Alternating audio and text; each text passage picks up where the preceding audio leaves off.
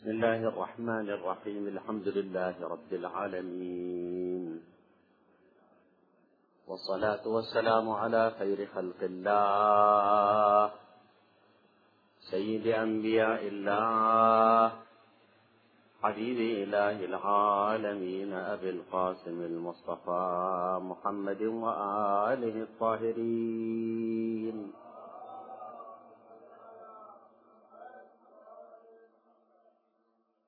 صلى الله عليك يا مولاي. يا أبا عبد الله.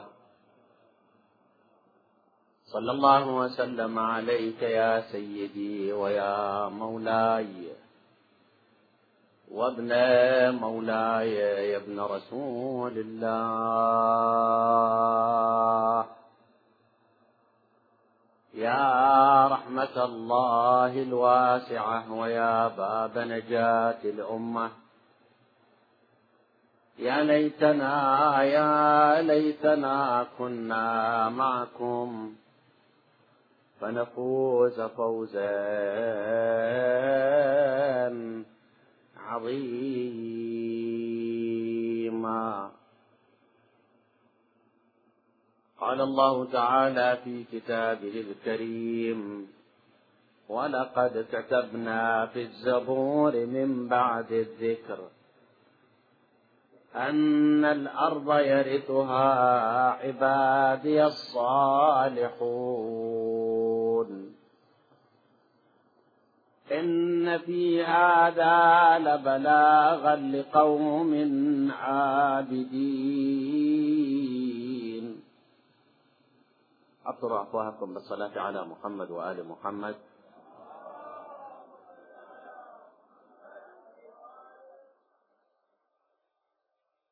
قبل أن نختم مجلسنا إن شاء الله في الليلة القادمة وقبل أن أودعكم وأستودعكم الله العلي القدير وددت أن أخصص ليلة كما طلب منا أيضا ليلة في الحديث عن مولانا الإمام المهدي سلام الله عليه وعن دولته وغيبته وتكاليفنا إحنا في أيام الغيبة وعن أيام ظهوره سلام الله عليه وعن الدولة العالمية التي سوف يؤسسها وهذه الدولة سوف تستمر وتمتد إلى مشارق الدنيا ومغاربها. هذا حديث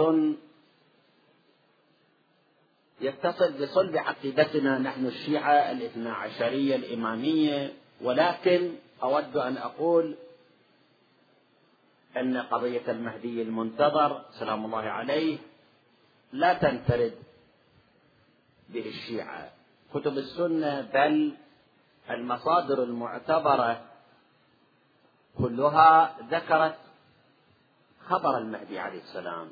روايات وردت عن رسول الله صلى الله عليه وآله وسلم في الصحاح حتى في صحيح مسلم وفي الترمذي والنسائي وأبي داود وغيرها من أمهات كتب السنة. وحتى أن بعض أعلام السنة المعتمدين من أمثال السيوطي وغيره من وغيره من الحفاظ كتبوا رسائل خاصة حول الإمام المهدي وجمعوا فيها الأخبار والروايات الواردة عن رسول الله صلى الله عليه وآله وسلم بخصوص أحوال المهدي المنتظر ونسبه وعلاماته الحديث عن الإمام المهدي سلام الله عليه حديث طويل لا تكفي ليلة واحدة لبيانها. فقد كتب علماؤنا رضوان الله عليهم علماء الشيعة الإمامية كتبا. فالشيخ المجلسي رضوان الله عليه خصص الجزء الثالث عشر من موسوعته الضخمة بحار الأنوار. وأنا أوصي كل أخ باحث وكل أخت باحثة عن الحقيقة. أن يقرأوا كتاب بحار الأنوار الجزء الثالث عشر طبعة القديمة الحجرية. وأما الطبعة الحديثة فهي مجلد 51 52 53 من الدورة الجديدة الطبعة الحديثة. لا تنسون من أراد أن يسجل مجلد 51 52 53 هذه المجلدات الثلاث كلها عن الإمام المهدي المنتظر سلام الله عليه. بعدين نذهب أبعد من هذا ونقول أن خبر المهدي سلام الله عليه ومجيء المصلح والمنتقم لا يخص فقط مصادر المسلمين حتى في كتب اليهود وكتب النصارى والكتب السماوية المنزلة قبل القرآن. ذكر الله عز وجل المهدي وذكر أصحابه وذكر دولته وذكر الصفات والعلامات وطول الغيبة وكل ما يتصل بأحوال هذا الإمام العظيم مذكورة في الكتب السماوية ولكن علماء اليهود والنصارى كتموا ذلك. الله أن يذكرهم. هذول الذين يكتمون ما أنزلنا من البينات الله يقول سورة البقرة. الذين يكتمون ما أنزلنا من البينات والهدى من بعد ما بيناه للناس في الكتاب. أولئك يلعنهم الله ويلعنهم اللاعنون. أبدا عنهم. علماء اليهود والنصارى الذين كتموا الحقائق الذي جاءت عن دين الإسلام. وإلا صريح الإنجيل يقول ومبشرا عن لسان يحيى عن لسان عيسى بن مريم. ومبشرا برسول يأتي من بعد اسمه أحمد. صل على محمد وآل محمد.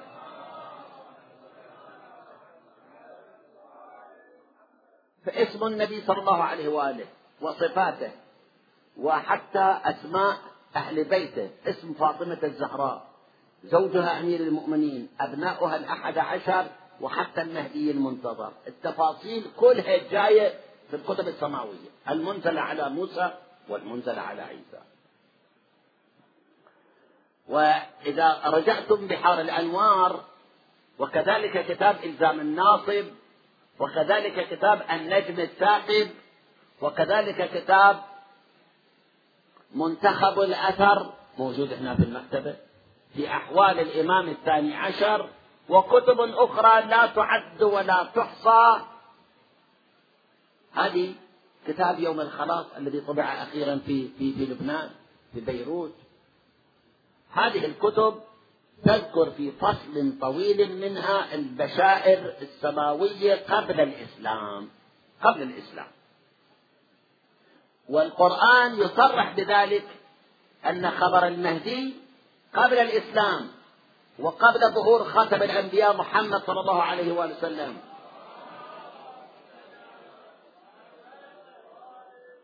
بشر الله به نبيه إبراهيم وموسى وعيسى وداود لما ذكر ولقد كتبنا في آخر سورة الأنبياء. آخر سورة الأنبياء افتح القرآن. ولقد كتبنا في الزبور من بعد الذكر أن الأرض يرثها عبادي الصالحون. فالزبور منزل على داود والذكر منزل اختلفوا. أكثر المفسرين يقولون الذكر المقصود بالذكر هي التوراة المنزلة على موسى. ومنهم من قالوا الذكر تشمل الكتب السماوية المنزلة على إبراهيم وموسى. صحف إبراهيم. إن هذا لفي الصحف الأولى صحف إبراهيم وموسى. كذلك أخبر الله عز وجل سليمان النبي. وكذلك أخبر يوسف. وكذلك أخبر داود. وما من نبي وما من نبي بعثه الله إلا وأخبره بأنه في آخر الزمان لأن الأنبياء لما كانوا يشكون إلى الله تعالى تمرد أقوامهم وأنهم ظالمون وأن الظالمين يستولون على القدرات والسلطات.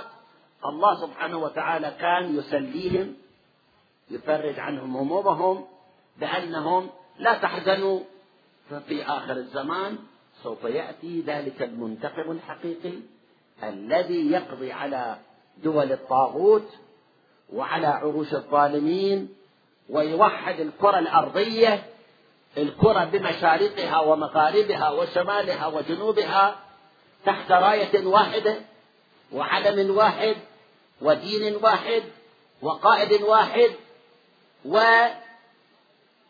ورب واحد. وأشار إلى ذلك في عدة آيات حتى أن الشيخ لطف الله الصافي صاحب كتاب منتخب الأثر اللي موجود نسخته هنا بالمكتبة من حسن الحظ يذكر 183 آية. منتبهين كلامي 183 آية من القرآن من الآيات التي تصرح أو تلمح أو تشير أو تعرض إلى قضية المهدي. 183 آية مو واحدة وثنتين وعشرة وعشرين. هذه الآيات يعددها الشيخ لطف الله الصافي في كتاب منتخب الأثر من أراد في هذه المكتبة موجودة يراجع ويقرأ. هذه الآيات وكذلك البشائر النبوية كلها مملوءة اليهود قبل الإسلام يدرون والنصارى قبل الإسلام يدرون بأنه أن الله تعالى بشر نبيهم موسى وبشر نبيهم عيسى بأن العالم ما ينقضي والقيامة لا تقوم إلا بعد أن يظهر مصلح. هذا المصلح يكون مؤيدا بالنصر الإلهي وأنه يكون مؤيدا بالمعجزات وبالكرامات عن طريق المعجزة بل وعن طريق الجهاد في سبيل الله وعن طريق وجود أنصار مضحين مخلصين يستطيع أن يسيطر على العالم كله. وحكومات الظلم كلها تسقط والأديان الباطلة كلها تزول ما يبقى إلا دين الإسلام. لقول الله سبحانه وتعالى هو الذي الله يعني هو الذي أرسل رسوله بالهدى ودين الحق. ليظهره على الدين كله. وهذا الشيء إلى الآن ما صاير وسوف يتحقق ليظهره على الدين كله على يد المهدي عليه السلام. ليظهره على الدين كله ولو كره المشركون. إذا فحديثنا هذا اليوم حديث متشعب الأطراف.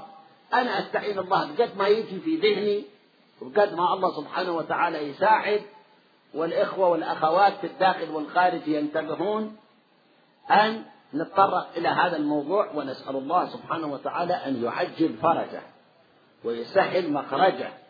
ولعله يكون في زماننا هذا قسم يتكهنون يكون قبل الألفين قبل يعني سنة الألفين من مولد المسيح عليه السلام يكون هذا الشيء. وإن كان إحنا ما نقدر من هناك عندنا طائفة من الأخبار يقول كذب الموقتون. كذب الموقتون. ما نقدر نوقت آه، لأنه أمر الله حكمة الله اقتضت أن يكون هذا الشيء مخفي مثل الساعة. يعني مثل قيام القيامة. يسألونك عن الساعة قل علمها عند ربي. لا يجليها لوقتها إلا هو. كذلك ظهور المهدي عليه السلام يكون فجأة. الناس بدون توقع مرة مرة واحدة يفاجؤون حتى خلص أصحابه. هذول 313 واحد أنصاره القريبين اللي ينصبهم حكاما على الأرض. هذول هم ما يدرون. ولكنهم مرة واحدة يفاجؤون بأن المهدي ظهر في مكة. والعلامة اللي ما تختفي على الناس هاي العلامة ظهور وجه ونصف بدن إلى أو وجه ورقبة من قرص الشمس من عين الشمس. هذا الوجه يصيح صيحة سماوية يسمعه العالم كل بلغاته. العرب يسمعون بالعربية والعجم بالعجمية والهند بالهندية والإنجليز بالإنجليزية والصين بالصينية. كل يفهمون بلغاتهم. يقول لقد ظهر ولي الله لقد ظهر المهدي المنتظر. فيعين مكان زمانه وتاريخ مكانه وزمانه وتاريخه. هذول لما يسمعون هذا النداء يتوجه هؤلاء الأنصار 313 اللي الله يعرف بمكانهم ولربما في الكويت يوجد بعضهم ولربما في المشرق في المغرب كلهم يتوجهون إلى مكة المكرمة. بطي الأرض الله يوصلهم. يعني نفس اليوم يوصلون. بدون ما يحتاجون يستعملون طيارات أو صواريخ. لا. الله يوصلهم. والشيء المهم من هذا أن يوم ظهور المهدي سلام الله عليه في مكة الله تعالى يأمر المسيح بالنزول من السماء حيا ومعه جبرائيل. جبرائيل يقف عن يمين المهدي. والمسيح عليه السلام يقف عن يسار المهدي وهو عليه الصلاة والسلام يعلن دولته ويعلن ظهوره وللمرة الثالثة جبرائيل بيده لواء الحمد ولواء الحمد. الله تعالى نشرها مرتين ثم طويت والمرة الثالثة ما تنشر إلا على رأس المهدي سلام الله عليه.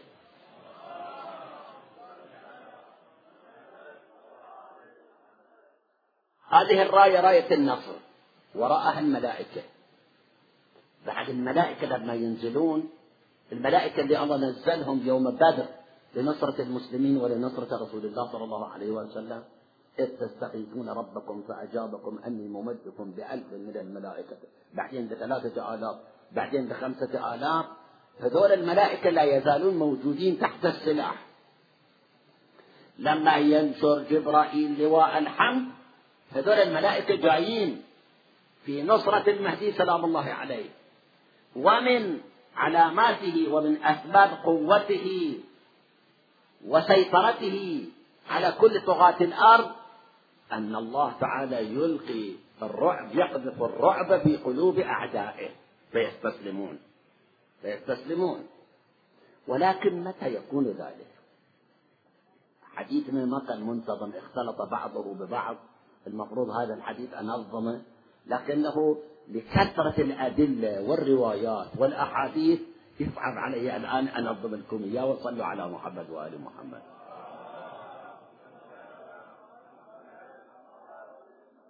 من الأمور التي يجب أن نخليها على بالنا إلا أن تتغير إرادة الله لأن الله يمحو الله ما يشاء ويثبت. ما روي عن زرارة وغير زرارة دخل قال دخلت على أبي عبد الله الصادق عليه السلام قلت له يا ابن رسول الله متى يظهر قائمكم أهل البيت؟ فقال لي يا زرارة إن قائمنا أهل البيت لا يظهر إلا بعد أن يذهب ثلث أهل الأرض. وفي رواية أخرى بعد أن يذهب ثلاثة أرباع أهل الأرض. وفي رواية أخرى أربعة أخماس إلى تسعة أعشار هم جاية. والجمع بين هذه الروايات أبو التلتين وثلاثة أرباع وأربعة أخماس أن الأقطار تختلف. بعض الأقطار تلتين هيروحون بعض البلدان ثلاثة أرباعهم يموتون. بعض البلدان حتى تسعة أعشار هم يروحون. منهم من يقول بالموت الأحمر بالحروب يعني. ومنهم من يموت بالموت الأسود يعني بالأمراض بالطاعون بالوباء. فقبل هؤلاء يعني الآن على سبيل المثال الصين كثر جمعية الصين. ما فوق المليار. ها الهند الآن يبلغون يزيدون على المليار. واليابان وهكذا. روس سيبيريا. وأمريكا والمشرق والمغرب هذول الله سبحانه وتعالى علام الغيوب. الله تعالى قبل أن ينزل الطوفان على قوم نوح أحكم الرجال والنساء إلى أربعين سنة. بعد ماكو لا نطفا عقدت ولا ولد مولود لأن نوح قال إنك إن تذرهم يضلوا عبادك ولا يلدوا إلا فاجرا كفارا. الإمام الصادق وأئمتنا عليهم الصلاة والسلام أيضا يقولون أن قضية ظهور المهدي عليه السلام قبل ظهور المهدي سبش كثر أربعين سنة أقل أكثر الآن الزمن ما مذكور. إن الله سبحانه وتعالى يفعل بأهل العالم ما فعله بقوم نوح. ما يولد مولود جديد إلا وهو مؤمن. والبقية الكفار هذول منهم من يؤمن. مثلا النصارى هنالك عدد هائل من النصارى. هذول عندهم علامات علماؤهم يدرون مفكريهم يدرون. وبأيديهم كتب ووثائق ومستمسكات هؤلاء إذا شافوا هم ينتظرون نزول المسيح. ولكن لما يشوفون بأعينهم أن المسيح بعد يصلي وراء المهدي لأن في صحيح البخاري عن النبي صلى الله عليه وسلم كيف بكم إذا نزل فيكم ابن مريم؟ يعني عيسى وإمامكم منكم. يعني شنو؟ يعني أن المسيح يصلي خلف إمامنا. فإذا شاهدوا نبيهم عيسى عليه الصلاة والسلام يصلي خلف المهدي والمهدي يدعو إلى الإسلام فهؤلاء النصارى بأمر من المسيح وبدعوة من المسيح يقبلون على الإسلام. كثير من المخالفين هؤلاء ممن في نفوسهم شك أو تردد لكن فيهم بعض أثر الهداية إذا لهم الله يهديهم لقبول الإسلام. ولقبول المذهب الحق. وأما الآخرون حتى الله بعد يتعب المهدي وإن كان سيف المهدي سيف جده أمير المؤمنين ذو الفقار ينتقل إلى يده. قبل ما يضع المهدي سيفه في رقاب هؤلاء يخلصهم الله عز وجل يضع سيفه فيهم. القنابل النووية الصواريخ هذني والأمراض والفتن الموجودة تكتسح الناس. الآن عدد نفوس العالم يقولون فوق الست مليارات ونصف. ستة آلاف مليون وخمسمائة مليون من البشر. ذول يقول على الأقل إذا ثلثينهم راحوا يعني إيش فوق الأربع مليارات ومئتين مية وخمسين مليون لازم يروحون قبل ظهور المهدي. شلون يروحون ذول كيف يروحون؟ بالموت الأحمر والموت الأبيض. لكن متى تنفجر هذه القنابل ما ندري. كل ما ندري إحنا. لكن الأخبار تصرح بذلك. القرآن يقول ولنبلونكم بشيء من الخوف والجوع ونقص من الأموال. نقص من الأموال والأنفس. نقص من الأنفس يعني شنو؟ النفوس تنقص. الآن إذا عندنا ست مليارات ونص إذا نقصت يعني تصير مليارين تسجيلهم يرحون لتربحهم يرحون ونقص من الأموال والأنفس والثمرات وآخرها وبشر الصابرين. رواياتنا تقول بشر الصابرين الباقين على مذهب أهل البيت بشرهم بظهور المهدي وراح المهدي يظهر زرارة يقول لما سمعت هذا الخبر من الإمام الصادق أن المهدي ما يظهر إلا بعد أن يذهب ثلث أهل الأرض. قلت يا ابن رسول الله إذا فمن يبقى؟ إذا تلكين العالم يروحون من يبقى؟ يقول الإمام بشرني قال لي يا زرارة أفلا ترضى أن تقول من الثلث الباقي؟ معناه شنو؟ معناه أن أهل الحق المعتقدين بالمهدي هذول يبقون. وأما الفناء والبلاء والموت يقع في أعدائه وفي مخالفيه وفي من لا يعتقدون به وفي من لا يعتقدون بالإسلام. هذول الله يصفيهم عند روايات أخرى تقع زلازل. الزلازل تأخذ أيضا ملايين من الناس. عندنا روايات أخرى تقع حروب. الحروب هم تأخذ ملايين من الناس. عندنا روايات تقع أمراض وطاعون الوباء وطاعون.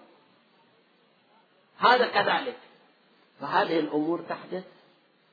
لازم قسم من العالم خاصة البنايات اللي بنيت على الظلم والغصب والكفر والفساد والعدوان لازم تتدمر. أهلها يتدمرون. فإذا الصواريخ والرؤوس النووية والصواريخ عابرة القارات. إذا لازم في اليوم تشتغل شغلوها هم فيما بينهم يعني. هم فيما بينهم الظالمين بالظالمين والكافرين بالكافرين وإن شاء الله المؤمنين يبقون سالمين. ولولا دفع الله الناس بعضهم ببعض لهدمت صوامع وبيع وصلوات ومساجد يذكر فيها اسم الله كثيرا. ولينصرن الله من ينصره إن الله لقوي عزيز. الذين إن مكناهم في الأرض أقاموا الصلاة وآتوا الزكاة وأمروا بالمعروف ونهوا عن المنكر ولله عاقبة الأمور. اقرأ اقرأ الآيات الكريمة. حتى تعرف القرآن كم مرة؟ قلت لك 183 مرة في القرآن بشر بظهور المهدي. التوراة بشر بظهور المهدي. الإنجيل بس زبور. ولقد كتبنا في الزبور من بعد الذكر أن الأرض يرثها عبادي الصالحون. زين نتطرق إلى موضوع آخر. وهو أنه هسه إحنا شنو واجبنا في زمن غيبة الإمام؟ الإمام موجود. الإمام لا شك موجود. لا تشك. قطعا موجود الإمام. وهنالك أناس أنا وأنت ما نعرفهم هذول عندهم علاقة ويشوفون الإمام. ووضعت الحكمة الإلهية هذول اللي يتصلون بالإمام لأن حكمة الله بقت على أن الإمام يبقى وجوده وغيبته ومكانه وأخباره غائبة عن عامة الناس ولكن دعاؤه ورحمته يبقى مستمر للمؤمنين. نعم. وجوده موجود فيما بيننا ومن يدريك لعله يحضر مجالسنا. حتى بعض الروايات تقول إذا ظهر المهدي والناس شافوه يقولون إيه هذا إحنا شفنا شايفين عدة مرات ما كنا نعرفه. روايات عندنا بهذا الخصوص أحاديث عندنا بهذا الخصوص. ولكن نحن عندنا أوامر. في غيبة الإمام المهدي عندنا تكاليف لمن نرجع؟ الإمام هو قبل أن قبل أن يموت. آخر وكيله الرابع وهو في رواية علي بن محمد السمري لأن الإمام عندما غاب في الغيبة الصغرى للإمام غيبتان كما تدرون. غيبة صغرى صارت أربعة وسبعين سنة وغيبته الكبرى بعد الأربعة سبعين سنة إلى يومنا وإلى أن يظهر. في خلال هذه الأربع وسبعين سنة الإمام كان عنده أربع نواب والنواب كانوا عايشين في بغداد.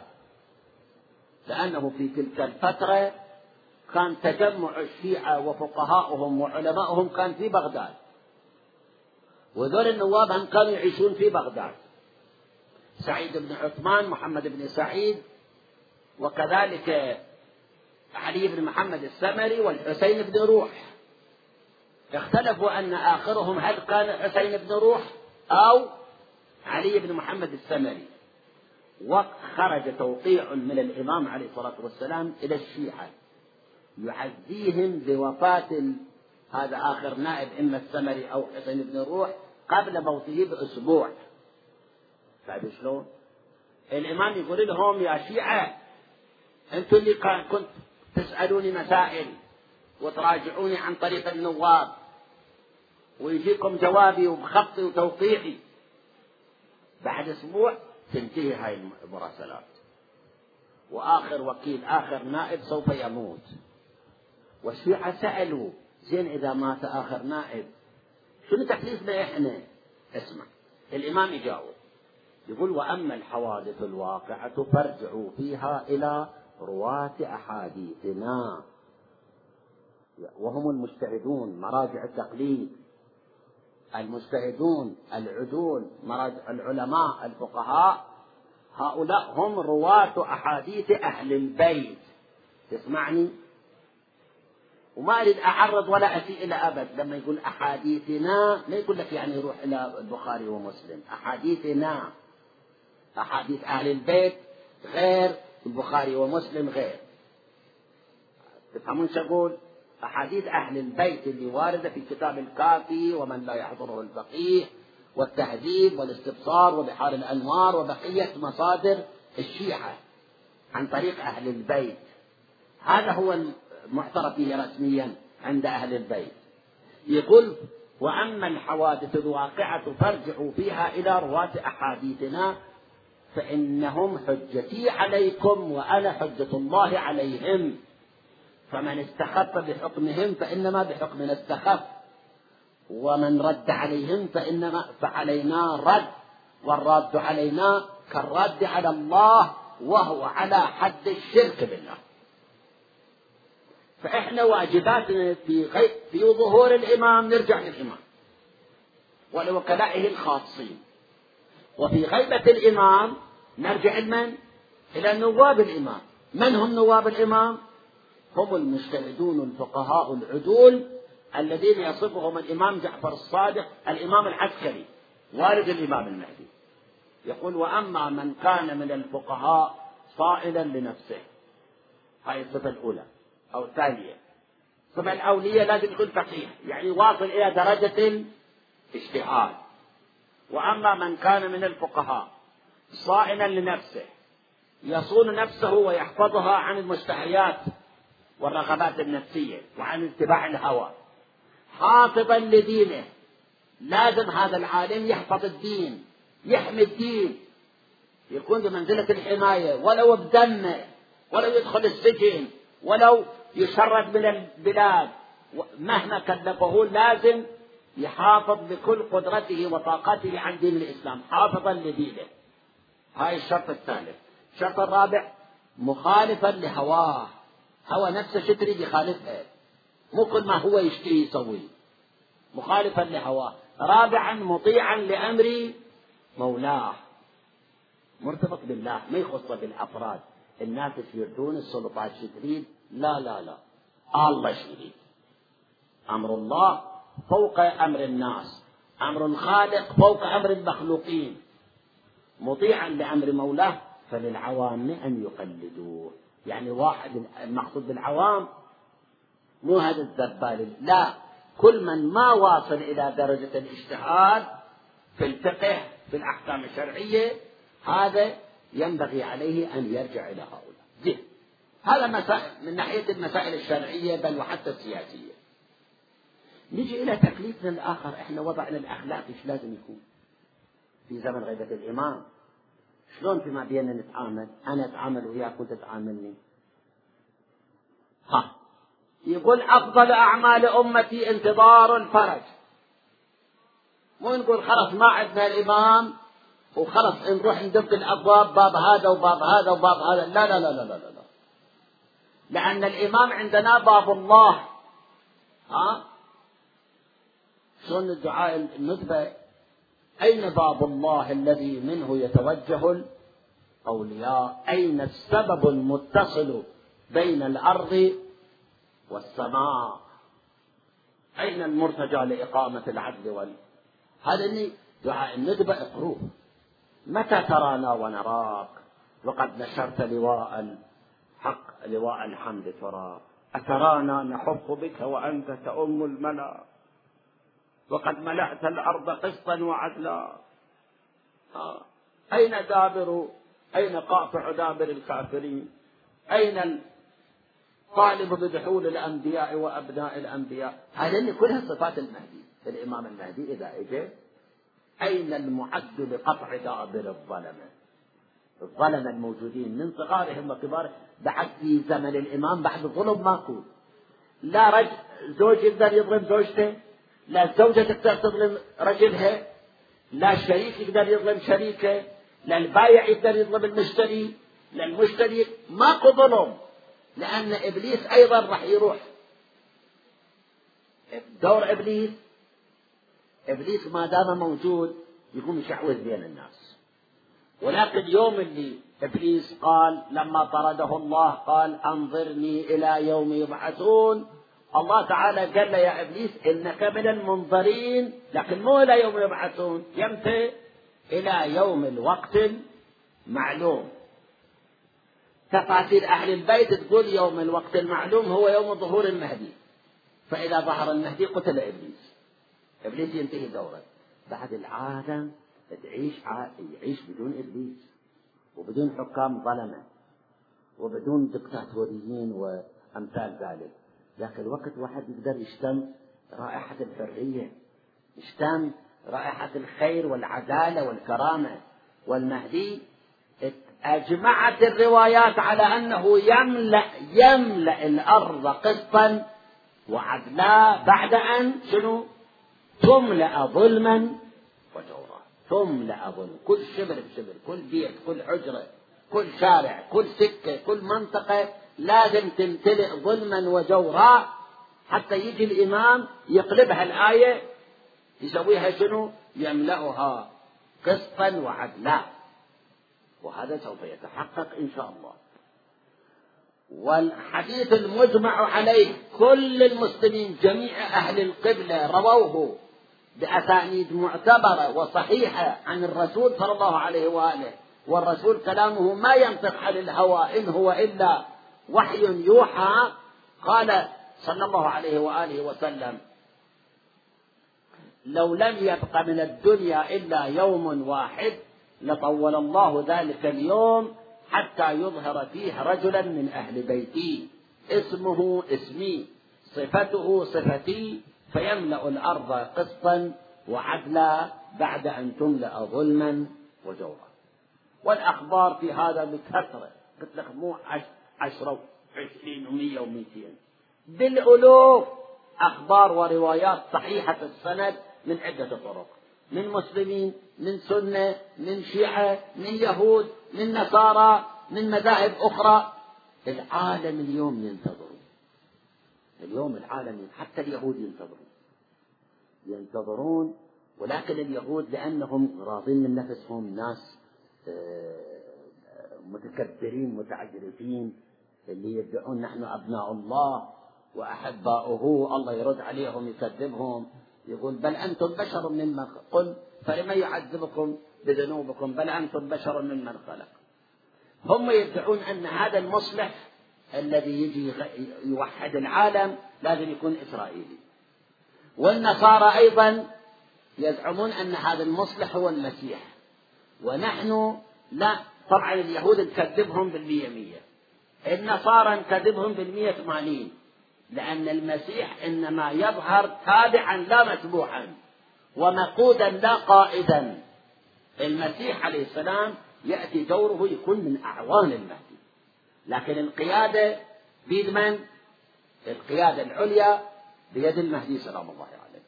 والمسيح وإن من أهل الكتاب إلا ليؤمنن به قبل موته. ويوم القيامة يكون عليهم شهيدا. شوفوا هاي تفسير هذه الآية تفاسير السنة وتفاسير الشيعة. وإن من أهل الكتاب من أهل الكتاب يعني يهود ونصارى إلا ليؤمنن به في وقت عند ظهور المهدي. قبل موته قبل موت المسيح. ويوم القيامة يكون عليهم شهيدا. زين. هذه مسألة أخرى. بقينا لعلك تسأل متى يظهر المهدي. أنا ما أدري. ما حد يدري. ولعل الإمام هو هم يدري. هو هم يدري. ولكن يجب أن تتحقق الأسباب. يجب أن تتحقق الأسباب. شنو هي الأسباب؟ خلينا نعطيك فد مثال وبعدين خلينا نراجع أنفسنا ومجتمعاتنا وأخلاقنا وسيرتنا وسلوكنا ووضعيتنا. حتى نقدر نعرف المهدي متى يظهر. صلوا على محمد وآل محمد. أضرب لكم مثلا رواية. هذه الرواية تعطينا نموذج نموذج من العصر من أخلاق وسيرة العصر الذي يظهر فيه الإمام المهدي عليه السلام. الرواية يذكرها الشيخ المجلسي في بحار الأنوار في أحوال الإمام جعفر الصادق عليه السلام يقول جاء رجل من أهل خراسان صار مسلم وصار شيعي ودخل على الإمام الصادق عليه الصلاة والسلام وشاف معجزة الإمام علم الإمام فضل الإمام قال له يا ابن رسول الله أنت جالس ليش ما تشيل سيفك وتطلع وتقضي على عروش الظالمين؟ وإن لك وإن لك في خراسان مئة ألف شيعة يضربون بالسيف بين يديك. الإمام عليه السلام قال له تفضل استريح استريح قاعد. ثم صاح يا جارية عند خدامة بالبيت. اشحن التنور؟ عندهم ساحة بالبيت. آه، آخر الساحة فيها تنور يخبزون بالبيت. اشعل التنور؟ فأشعلت التنور نارا. فلما اشتعلت النار وطلعت ألسنة النار من التنور التفت الإمام إلى الخراساني قال له يا خراساني روح اجلس بالتنور هذا الخراساني إيش عباله؟ عباله الإمام ده يعاقبه عباله يريد يعاقبه على هالكلام هذا.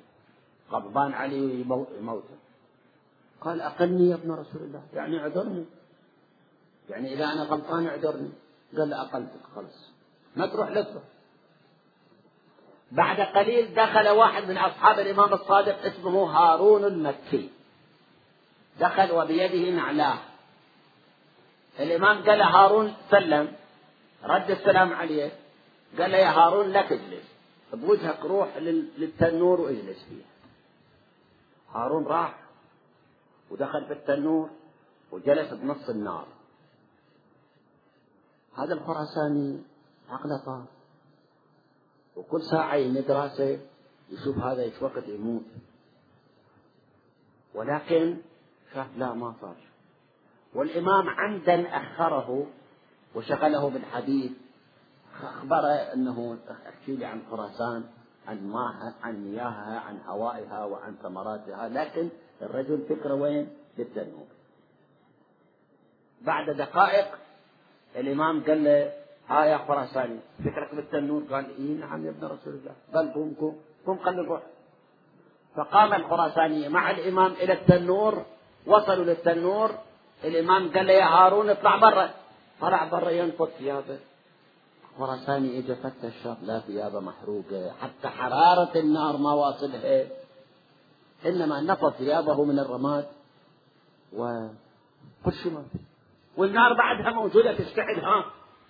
نار بعدها موجوده تشتعل التفت الإمام إلى إلى الخراساني. قال يا خراساني قال نعم سيدي. قال هذول المئة ألف شيعا اللي يضربون بالسيف بين يدي. هل فيهم خمسة مثل هذا؟ يعني بس ما أقول له ارمي نفسك بالنار يرمي بدون مناقشة. مو مثلك أنت اللي تقول أقلني. آه. مطيع لأمر القائد. هل فيهم خمسة؟ قال شنو خمسة؟ ولا واحد يا ابن رسول الله. ولا واحد. قال إذا بمن تأمرني أن أخرج؟ إذا بمن تأمرني أن أخرج؟ خلاصة النتيجة اللي ناخذها من هذا الحديث شنو؟ أن المهدي سلام الله عليه لما يظهر مو معناته كل يوم يمد البساط عيش ولحم يعطي للناس لا. قضية حروب قضية دماء قضية المواجهة مع طواغيت الأرض. قضية شيل السيف أو أي سلاح يحكم ذاك اليوم ها؟ وحارب الجبارين والطواغيت. شايف شلون؟ لازم لازم نعرف أوامر القائد أوامر عسكرية وإلهية. قال لك ارمي نفسك بالبحر بدون تأمل. هسه إحنا الموجودين بالحسينية وبالمساجد وبالمتاجر وبالشوارع؟ كم واحد من عندنا في ناهجها قابلية. أن الإمام يقول ارمي نفسك بالنار بدون مناقشة. الإمام خلاصة أصحابه على أصناف ودرجات. الصنف الأول 313 لازم يكونون بهالمستوى يطيعون أمر القائد إذا قال ارمي نفسك بالنار بدون مناقشة مثل البرق. إذا قال ارمي نفسك بالبحر روح أمام فوحة المدفع. افتح صدرك للبندقية. كذا كذا. بدون مناقشة. بدون مناقشة. الإمام يريد أنصار وهذول ترى موجودين. لكن وين موجودين؟ أنا وأنت ما نعرفهم. متى علم الله أن نصابهم كمل 313 هذول الدرجة الأولى. الدرجة الثانية هم عشرة آلاف. الدرجة الأولى هذول حكام الأرض.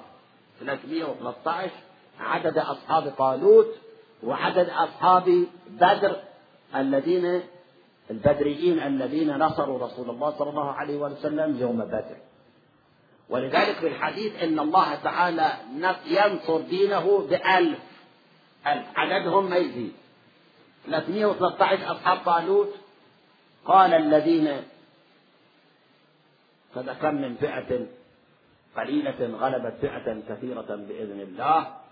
والله مع الصابرين ولما برزوا لجالوت قالوا ربنا أفرغ علينا صبرا وثبت أقدامنا وانصرنا على القوم الكافرين فهزموهم بإذن الله وقتل داود جالوت وآتاه الله الملك والنبوة دول وراهم ورجعاتهم ملك ونبوة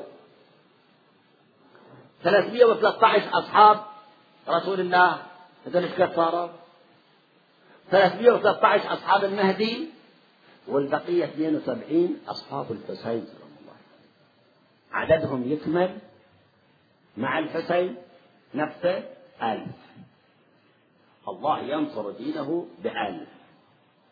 فإذا علم الله تعالى أن عدد هؤلاء الأنصار الذين يتبعون أوامر القائد يقول ضحي بروحك ضحي بدمك أولادك أطفالك اعتبارك بدون مناقشة فورا يضحي.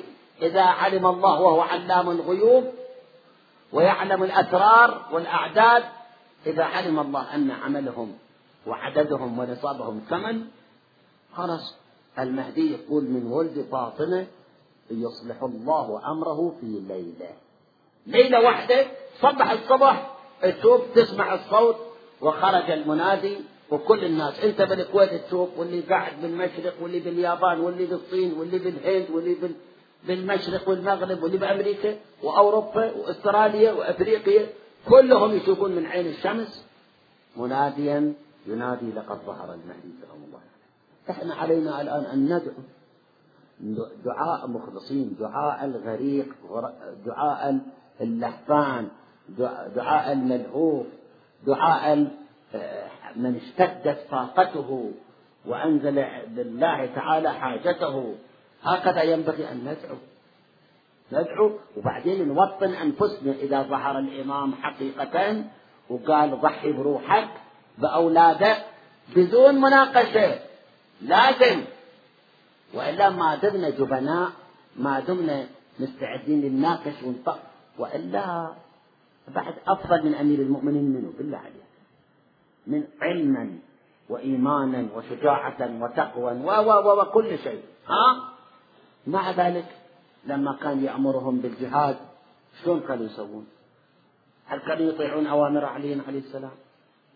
ما قرأت عن معركة الجمل معركة صفين وقبل ذلك اللي الإمام يقول يا أشباه الرجال ولا رجال. إيش سووا بأمير المؤمنين؟ يقول له وددت أني لم آتكم ولم أعرفكم. معرفة والله جرت ندما وأعقبت سدما قاتلكم الله لقد ملأتم قلبي. قيحا وشحنتم صدري غيظا إلى آخر. فالإمام المهدي يظهر ويهجي الشولات ها؟ جبناء خونة. لا. لو لم يعلم الله في علم الغيب أن الأنصار قد كمل نصابهم أنصار من هالنوع من هالدرجة. فهذا مو بيدي وبيدك. الله هو مقلب القلوب مسبب الأسباب. يدري متى يكون ذلك الوقت. فيأذن للمهدي. ومن يدري؟ بركة باكر إحنا نقعد نسمع الصوت هذا اسأل الله ذلك. وادعوه وقولوا اللهم أرنا الطلعة الرشيدة والغرة الحميدة واكحل نواضلنا بنظرة منا إليه. فإذا ظهر سلام الله عليه ووضع سيفه في أعداء الله وقضى عليهم وانتهى كل شيء ذاك الوقت تنزل السماء خيراتها وتخرج الأرض بركاتها. بعد ما تشوف لك لا سرقة لا سجون لا محاكم لا عدوان لا غش لا كذب لا غيبة لا تهمة لا نميمة لا حسد. الناس يقول الإمام المهدي يمر يده على رؤوس أتباعه فتكمل بذلك عقولهم. الناس يصبحون أغنياء بعد فقير ماكو. حتى الحيوانات طبعتهم. الحيوانات المفترسة أحيانا بالتلفزيون تشوف السبع يركض ورا الغزال يمزقه يشرب دمه بعد ذاك اليوم حتى السباع ما يركضون ولا الغزلان في أمان. الديب مع الغنم يعيشون سوا. بعد الأغنام ما يخافون من الذئاب. ذاك الوقت الأمان. الأمان في كل البشر في أمان. الطير في أمان. كل شيء في أمان الله. كل شيء في أمان الله. يقول يظهر المهدي وصاحب الصدقة. صاحب الصدقة يدور بصدقته على الناس. يابا يا جماعة من يقبل صدقة؟ ما حد ما حد يقبلها إما الناس هم جيوبهم غنية وإما نفوسهم غنية. غنى النفس الله يرزقهم. بعد ذاك الوقت دولة واحدة. أتريد تسافر للصين؟ روح. اركب أي مركب اللي أكو سواء سيارة طيارة دابة روح للصين لا تحتاج جواز لا تحتاج إقامة لا تحتاج تأشيرة دخول لا تحتاج فيزا لا تحتاج. روح لليابان روح لأمريكا روح لأفريقيا روح لأستراليا روح كل بلاد الشرق والغرب. كلها دولة واحدة علم واحد عملة واحدة دين واحد رب واحد كتاب واحد أمة واحدة. وأن هذه أمتكم أمة واحدة وأنا ربكم فاعبدون. اللهم عجل فرجه. اللهم إنا نرغب إليك في دولة كريمة تعز بها الإسلام وأهله وتذل بها النفاق وأهله وتجعلنا فيها من الدعاة إلى طاعتك والقادة إلى سبيلك وترزقنا بها كرامة الدنيا والآخرة. بعد قريب ما أخلص مجلسي أقول أن الإمام الروايات تقول إذا ظهر الآن عمره فوق الألف ومية وحوالي ستين أو أكثر. لأن ولادته سنة 255 هجرية. الآن السنة 1419 هجرية. طبع ال 255 من هذا الرقم. عمر الإمام هالمقدار عمره الحقيقي. ولكن لما يظهر يظهر ابن أربعين سنة. بعد شباب. وجهه وجه جده رسول الله صلى الله عليه وسلم. علامات علامات موجودة في عينه وشعره وأنفه وصدره وصوته وقيامه وصوته صوت رسول الله. مشيته مشية رسول الله صلى الله عليه وسلم. خلقه خلق رسول الله. جبرائيل يرفرف لواء الحمد على رأسه ملائكة عن يمينه وعن شماله مؤيد بالنصر الإلهي ويكون منصورا بالله وفيه نزلت تعويل هذه الآية ومن قتل مظلوما فقد جعلنا لوليه سلطانا فلا يسرف في القتل إنه كان منصورا. فالمهدي منصور من الله. بعد مو بقد آباؤه كلهم استشهدوا إما بالسم أو بالسيف نعم الإمام أيضا يستشهد قيل بعد سبع سنوات وقيل بعد سبع سبعين وقيل بعد عشر. هسه مدة حكمه بعد ما عندنا مجال أفصل لك. كيفية حكومة الإمام؟ الحكومة اللي أسسها شلون من أي نوع من الحكومات؟ هل هي ملكية جمهورية؟ لا لا لا هي ملكية لا هي جمهورية. لا تشبه الحكومات هذه. لا لا لا لا. فإنه سلام الله عليه يظهر ومعه التوراة ومعه الإنجيل. ومعه الكتب السماوية القديمة ووراثة الأنبياء والمثل الأعلى كل ذلك يظهره فيملأ الأرض قسطا وعدلا بعد أن تملأ ظلما وجورا. والروايات تقول يظهر يكون عاصمته الكوفة ظهوره بمكة. العاصمة مالته وين؟ في مكة في الكوفة. ويأتي إلى قبر جده الحسين. الروايات تقول يفتح له قبر جده فيمد يده ويخرج الرضيع عبد الله الرضيع ويخاطب الناس قائلا أيها الناس خبروني إن كان الرجال شأنها القتل والقتال ولكن ما ذنب هذا الرضيع؟ ولذلك يشير الشاعر السيد حيدر الحلي يقول مخاطبا للإمام ماذا يهيجك يا ابن العسكري؟ إن صبرت لوقعة الطف الفظيعة أترى تجيء فجيعة بأمض من تلك الفجيعة حيث الحسين على الثرى. خيل العدا طحن الظلو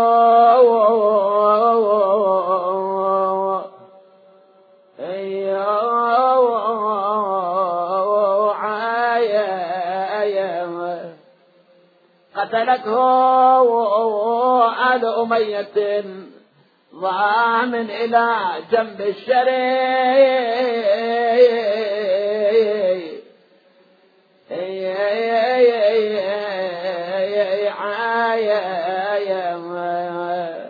ورضيعه بدم الوريد مخضب فاطلب رضيعه آه قامت تستدير عيون طفلة شبح عين لأبوه وعين لأهله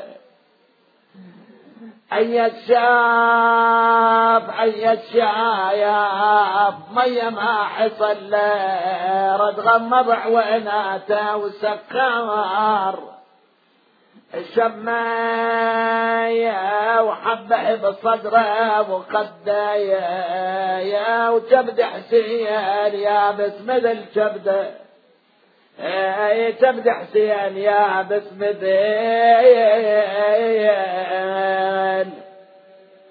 يا يا يا الكبده يا ابويا ما بعد للعيش رده وهو يحاشيه لنسهم المقدر. رفعه أبوه على يده والطفل مغمى عليه من العطش. وقد اصفر لونه وذاب وذبلت شفتاه وغارت عيناه. قال يا قوم خبروني ما ذنب هذا الرضيع اسقوه فقد جف اللبن في ثدي امه ولكن اللعين عمر بن سعد بن هذا يا حرملة يقطع نزاع القوم لأن القوم اختلفوا منهم من قال اسقوه ومنهم من قال لا تسقوه. قال ماذا أفعل؟ قال ارمي بنحرك رضيع الحسين فوضع السهم في كبد القوس رمى به الرضيع ذبحه من الوريد إلى الوريد. تلقى حسين دم الطفل بيده بيده إيش حال اللي يجتلب حضنه وليده اللي يجتلب حضنه يا يا وليده سأل سأل وترى الشفه من وريده. نسألك وندعوك باسمك العظيم الأعظم يا الله. اللهم انصر الإسلام والمسلمين. اللهم ما عرفتنا من الحق فحملنا. هاي الأدعية الواردة في آخر دعاء الافتتاح التزموا بها دائما. اللهم ما عرفتنا من الحق فحملناه وما قصرنا عنه فبلغناه اللهم المن بالمهدي المنتظر شعثنا واشعب به صدعنا. وارتق به فتقنا وكثر به قلتنا. وأعزز به ذلتنا وأغني حيكونها علامات دولة الإمام ها؟ إذا كلها راح تتحقق. وأعزز به ذلتنا وأغن به عائلنا يعني فقيرنا. وأغن به عائلنا واجبر به فقرنا وسد به خلتنا ويسر به عسرنا وبيض به وجوهنا وفك به أسرنا وأنجح به طلبتنا وأنجز به مواعيدنا واستجب به دعوتنا وأعطنا به سؤلنا وبلغنا به من الدنيا والآخرة آمالنا وأعطنا به فوق رغبتنا. يا خير المسؤولين وأوسع المعطين اشف به صدورنا وأذهب به غيظ قلوبنا. واهدنا به لما اختلف فيه من الحق بإذنك إنك تهدي من تشاء إلى صراط مستقيم وانصرنا به على عدوك وعدونا إله الحق آمين. وإلى أرواح المؤمنين والمؤمنات الفاتحة تسبق الصلوات.